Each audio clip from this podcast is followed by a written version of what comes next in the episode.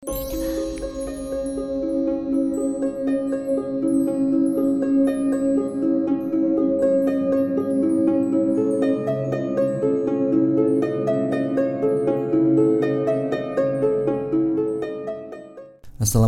warahmatullahi wabarakatuh. Salam sejahtera untuk kita semua.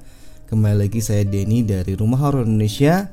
Akan membacakan cerita horor yang kali ini bersumber dari M-Star ya. Dengan judul Kisah horor Juru Kunci Makam Kehilangan pekerjaan selama pandemi membuat Ali stres Apalagi usahanya mendapatkan pekerjaan baru tidak berhasil karena tidak ada lagi yang bisa dikerjakan, Ali akhirnya memutuskan untuk pulang ke kampung halamannya.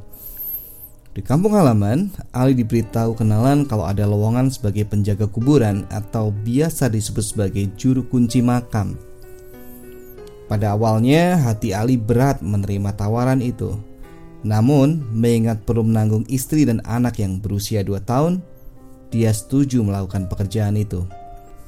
Ali menyewa sebuah rumah yang berdekatan dengan kawasan kuburan.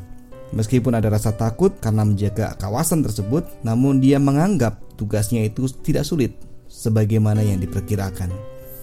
Tugasnya mudah. Dia hanya perlu memastikan tidak ada orang luar yang masuk ke dalam kawasan kuburan dengan niat tidak baik, seperti pengedar narkoba, penjudi, atau pelaku ilmu hitam. Biasanya Ali akan beronda sebanyak tiga kali pada waktu siang dan dua kali pada waktu malam. Alhamdulillah tak ada kejadian aneh yang terjadi. Rasa takut dan gemetar itu perkara biasa, apalagi jika beronda pada waktu malam. Namun malam ini ada yang lain. Ada seorang perempuan misterius duduk di tepi sebuah makam ketika Ali melakukan ronda pada pukul 9 malam. Tanpa curiga, Ali memberhentikan motornya dan memperhatikan perempuan itu, mengingat lokasi makam itu terletak agak jauh ke dalam. Begitu merasa ada yang memperhatikan, perempuan itu bangun dan bergerak meninggalkan makam tersebut. Ketika perempuan itu berjalan ke arah saya, segera saya perkenalkan diri. Namun tak sepatah kata pun keluar dari mulutnya, kata Ali. Perempuan itu tidak menjawab dan berlalu begitu saja menuju semak-semak di tepi kawasan kuburan. Ali kemudian mencoba memberanikan diri mengikuti perempuan tersebut. Namun bayangannya tiba-tiba lenyap. Yang mengherankan, Ali tidak menjumpai jalan keluar kawasan kuburan melalui semak-semak tersebut. Gagal menemui perempuan itu, Ali pergi ke makam yang disinggahi perempuan tadi. Tertera nama seorang perempuan yang sudah meninggal dunia hampir 50 tahun yang lalu. Beberapa minggu kemudian ketika melakukan ronda malam, saya sekali lagi melihat perempuan yang sama. Kebetulan bulan sedang penuh jadi terlihat terang dan mudah untuk melihat perempuan itu. Kebetulan saya ronda pakai sepeda, jadi mungkin dia tidak menyadari kehadiran saya. Saya mendengar suaranya sedang menangis di pinggir makam yang sama katanya. Ketika Ali asik memperhatikannya, perempuan itu tiba-tiba menolehkan wajahnya. Berkat cahaya bulan, Ali kali ini dapat melihat wajahnya dengan jelas. Perempuan tersebut ternyata berambut panjang dan memiliki wajah yang agak menakutkan. Ali belum sempat mendekati, perempuan itu langsung lari masuk ke semak-semak dan menghilang begitu saja. Tiba-tiba saya mendengar suaranya yang meminta saya untuk tidak mengganggunya. Saya mencari sumber suaranya.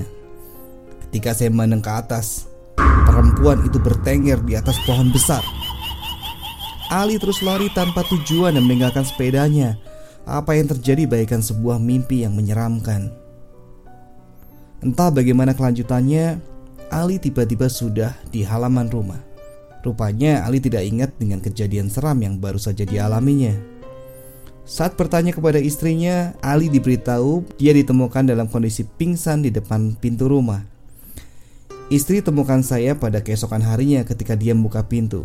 Saya langsung tidak ingat apa yang terjadi. Hampir seminggu kemudian saya demam dan istri memanggil seorang ustadz untuk mendoakan Ali.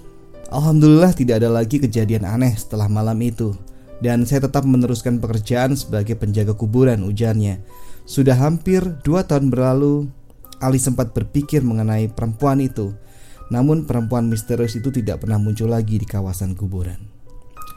Oke, sekian kisah untuk hari ini. Sampai ketemu di cerita-cerita berikutnya.